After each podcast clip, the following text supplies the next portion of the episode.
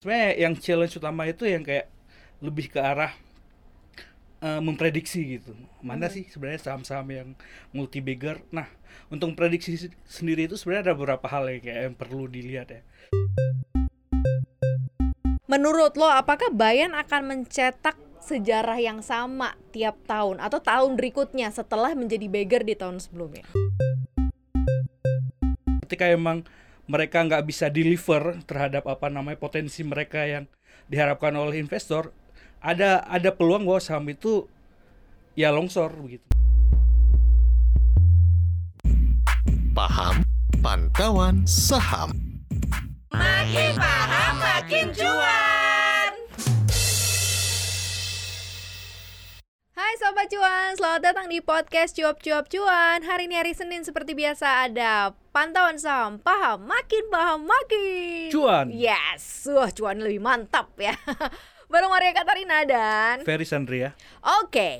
Sobat Cuan dan juga Mas Ferry, kamu newcomer ya, kamu uh, datang pertama kali nih di Paham ya? Iya, pertama kali. Ih, sampai ketemu nih Sobat Cuan ya, Sobat Cuan yang super kritis ya kan, yang suka kepengen tahu dan tahu sampai tau nggak? kita tuh ditanyain baru aja jalan berapa minggu sih nih 2023 udah ditanyain eh multibagger dong multibagger dong 2023 gitu emang dasar nggak mau mikir ya untuk milih saham ya kan nanyain yang soal multi bagger di 2023. Tapi menurut lo, nih Mas Fer, emang cukup banyak nggak sih? Bukan banyak ya, emang akan selalu ada nggak sih beggar tiap tahunnya? Iya sebenarnya tiap tahun kemungkinan bakal ada ya apa namanya beggar yang didorong sama uh, pertumbuhan persektoral per, per industri. Jadi mm -hmm. emang tiap tahun tuh ada aja gitu kayak memang industri ini menarik nih buat investasikan. Mm -hmm. Kemungkinan saham-sahamnya itu bakal ngikut okay. dan beberapa mungkin bakal jadi multi bagger gitu ya, Mbak. Tapi kok gue nggak pernah menemukannya.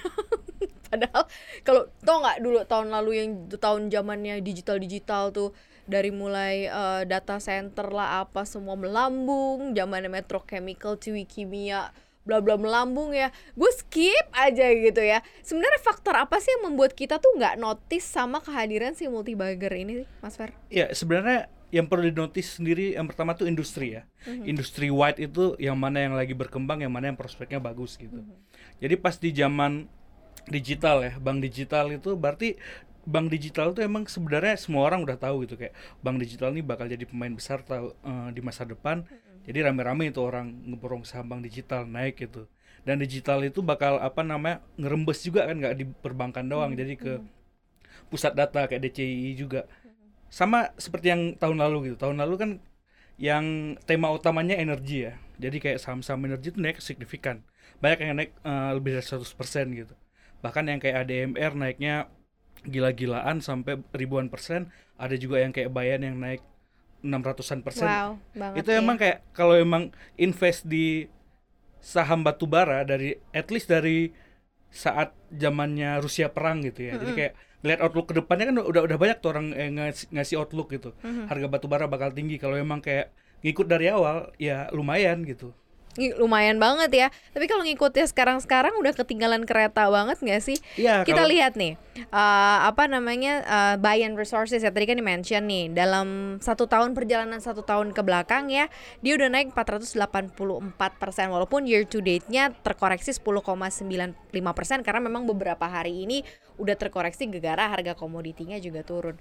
Menurut lo, apakah Bayan akan mencetak sejarah yang sama tiap tahun atau tahun berikutnya setelah menjadi beggar di tahun sebelumnya? Oh enggak, jadi kalau kayak Bayan dan uh, perusahaan saham-saham perusahaan tambang batubara lain, uh mhm. -huh. jadi tahun lalu tuh udah peaknya sebenarnya uh -huh. apa namanya tanpa uh, kalau kita melihat perusahaan itu cuma fokus di batubara ya.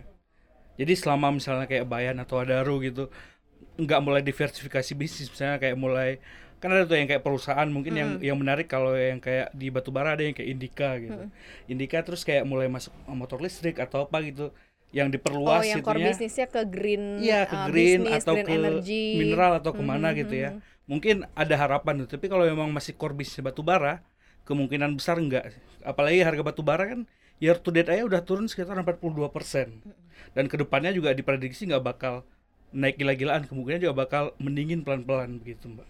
Oke, jadi ya kalau misal lo ngecek uh, yang beggar di tahun lalu dan pengen lagi terjadi di tahun ini sih kayaknya tidak akan begitu ya. Karena kalau kita lihat Bayan di 18 ribuan 700 18.700 dengan tingkat per di 18 kali sebenarnya relatively dia cukup mahal di antara beberapa saham-saham uh, komoditas lain ya nggak sih atau khususnya untuk batu bara nggak sih? Iya, untuk batu bara udah sangat mahal sekali. Jadi Bayan itu benar-benar saham paling mahal di antara saham batu bara yang kita ngomongnya ya yang, yang raksasa ya seperti kayak Adaru, ITMG, PTBA yang begitu-begitu. Jadi dia tuh udah sangat mahal gitu. Yang okay. lain bahkan ada yang PBV-nya itu mendekati satu atau yang ada yang di bawah satu.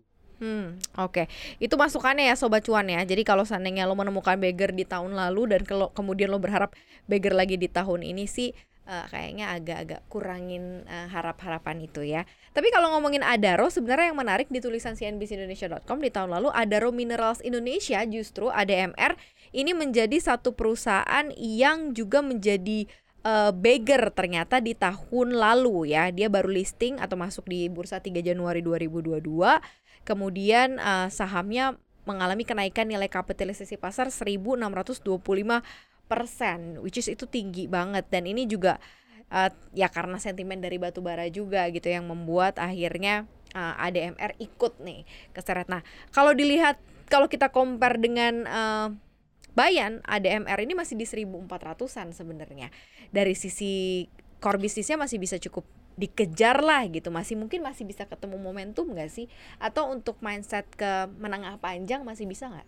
Ya jadi sebenarnya ADMR tuh benar-benar diuntungkan gara-gara mereka baru IPO akhir tahun. Mm -hmm. Jadi mereka penawarannya akhir tahun terus IPO-nya mulai listingnya itu awal 2022. Dua jadi perusahaan IPO kalau emang kayak kita bener-bener kayak mau nyari nemu ada aja yang memang bener-beneran murah jadi ADMR itu ditawarkan memang di harga murah jadi kayak apa namanya uh, itu kan spin off perusahaannya batu baranya si Adaru ya mm-hmm. yang khusus buat uh, met coal sama mau disiapkan buat mineral juga mm-hmm. gitu Nah mereka emang pada awalnya itu ditawarkan murah gitu.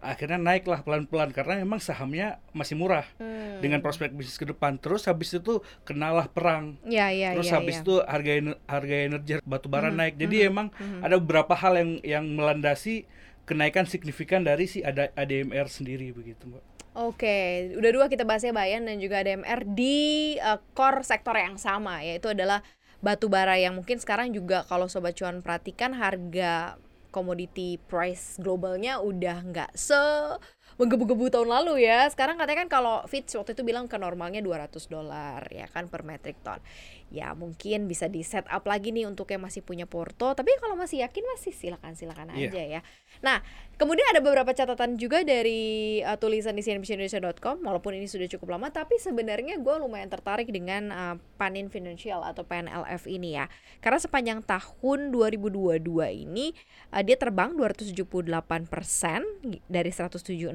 ke 600-an nah uh, ini uh, merupakan salah satu yang cukup besar. Tapi ini menarik sebenarnya. Uh, gak tau deh lo perhatiin atau enggak. PNLF ini ini bolak-balik beggar sebenarnya beggar slow slow slow terus nanti beggar lagi yeah. terus balik lagi gitu jadi kayak lo tuh kalau misalnya punya saham ini lo kayak dikasih suruh ambil cuan lo ambil lagi di bawah ambil cuan lo ambil lagi di bawah ini kocak banget ya kalau menurut lo nih karakteristik saham yang kayak apa sih kok bisa seperti ini uh, berkali-kali gitu Iya, jadi saham-saham itu ya yang yang bisa kayak gitu biasanya saham yang yang fuelnya itu dari rumor sebenarnya. Jadi apa namanya? Mulai dari rumor akuisisi, ya, ya, ya, ya. rumor benar, benar, benar, merger benar, benar, dan lain. Jadi kadang ketika rumor lagi kuat naik gitu, terus kayak rumornya kayak wah oh, ini kemungkinan nggak jadi agak turun, terus naik lagi gitu, turun lagi.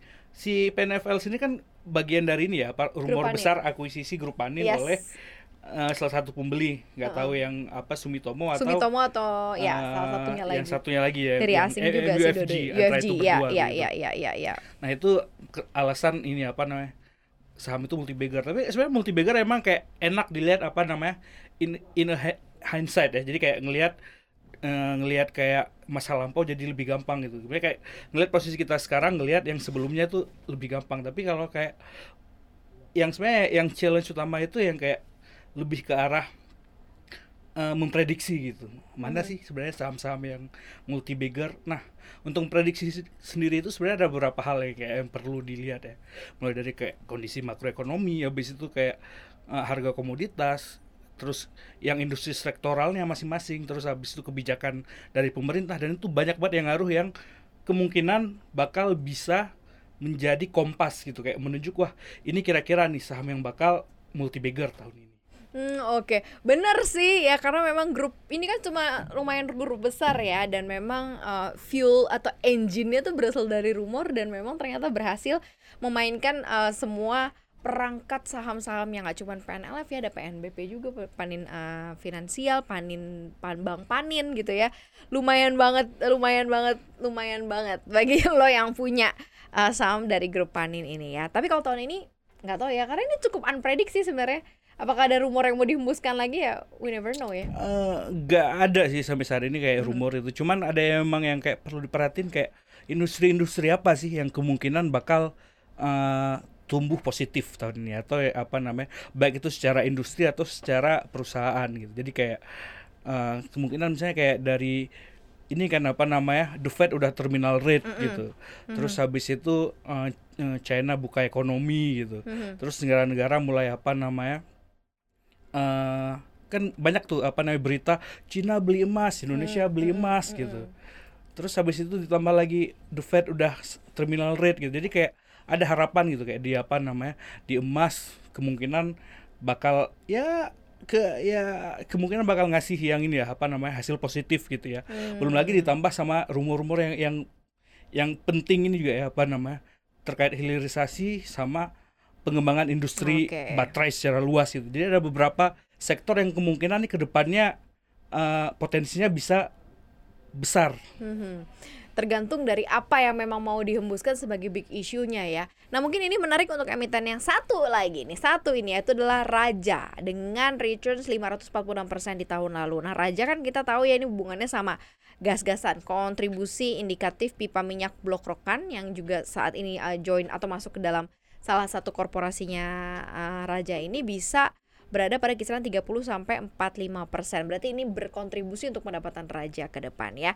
Seperti apa sih raja ini? Karena kan kita tahu ya bahwa raja ini salah satu yang bergerak sektor migas dan juga uh, soal gas-gasan gitu ya, di mana uh, gas juga one part of ending uh, hilirisasi produk adalah gas dan raja adalah pemain di sana gimana kalau menurut Mas Ferry? Iya, Raja Raja itu bagian dari uh, riding the wave-nya harga energi tahun lalu ya. Jadi kayak wajar aja ketika uh, Raja mengalami peningkatan signifikan walaupun dia benar-benar overperform apa namanya emiten sejenis ya. Overperformnya memang benar-benar signifikan gitu. Tapi gara-gara memang ya terkait potensinya emang ada gitu. Hmm. Nah, kan sebenarnya kalau yang kayak kenaikan-kenaikan signifikan itu kan banyak dari bagian apa ya? Investor yang betting bahwa uh, ke depannya perusahaan ini bakal uh, bisnisnya bakal jauh lebih besar, bisa menghasilkan pendapatan dan laba lebih besar, mm-hmm. gitu ya mbak. Jadi kayak mereka tuh udah udah apa namanya udah udah price in di saat ini buat uh, kinerja dua atau tiga tahun lalu. Hmm. Jadi itu sama yang seperti kejadian yang kayak uh, Bang Jago gitu, Bang Arto gitu. Arto kan naik signifikan gitu. Orang ngebet saat ini buat kinerja mungkin empat atau lima tahun lagi gitu. Hmm. Dan ketika si Arto ini nggak memberikan apa yang diharapkan investor, akhirnya harganya turun kan. Jadi Arto yeah. turunnya signifikan. Yeah. Jadi hati-hati kalau memang misalnya udah pegang atau mau pegang saham-saham multi bagger atau yang udah naik signifikan ya tahun hmm. lalu. Jadi kalau ketika emang mereka nggak bisa deliver terhadap apa namanya potensi mereka yang diharapkan oleh investor, ada ada peluang bahwa saham itu ya longsor begitu mbak. Oke, ya lagian juga kalau lo udah pegang saham multi bagger, udah untung berbeger-beger, ngapa juga nggak dilepas kan? Untung harus di profit gitu loh. Eh, bapak harus di taking. Jadi profit kan harus di taking, makanya profit taking jangan dibiarin aja gitu. Karena kita nggak pernah tahu ya. Saham kan up and down. Bisa jadi tadinya kamu dapat harga yang bagus buat kamu realisasi, tapi karena kamu menunda, uh, akhirnya ya udah gitu gagal dapat keuntungan yang cukup signifikan. Lihat karakteristik sahamnya juga sih ya, ada nggak memang saham yang bisa dipertahankan benar-benar untuk jangka menengah panjang atau memang buy short terms ketika sudah dapat untung berlipat ya realisasikan gitu. Karena itulah bekerjanya saham ya begitu gitu ya sobat cuan ya. Oke, inilah cerita Beggar 2022. Mudah-mudahan nanti ada lagi Beggar 2023 yang kita bisa bahas. Kalau di 2023 berarti mappingnya masih seputar isu green energy gitu ya. Masih seputar isu EV. yang eh, ya EV, battery, politik mungkin masuk ke Iya. dalamnya ya nggak sih karena kita lagi menghadapi tahun politik di 2024 bisa lah di screen out di situ ya kan dan bisa jadi eh, mudah-mudahan bisa salah satunya adalah jadi beggar untuk sobat cuan ya. Thank you sobat cuan udah dengerin paham hari ini. Jangan lupa untuk selalu dengerin konten podcast kita lainnya di Apple Podcast, Google Podcast, Spotify dan Anchor. Follow akun Instagram kita di @cuap underscore cuan dan subscribe YouTube channel kita di cuap cuap cuan di like, share dan juga komen ya. Kita berdua pamit sobat cuan. Bye bye.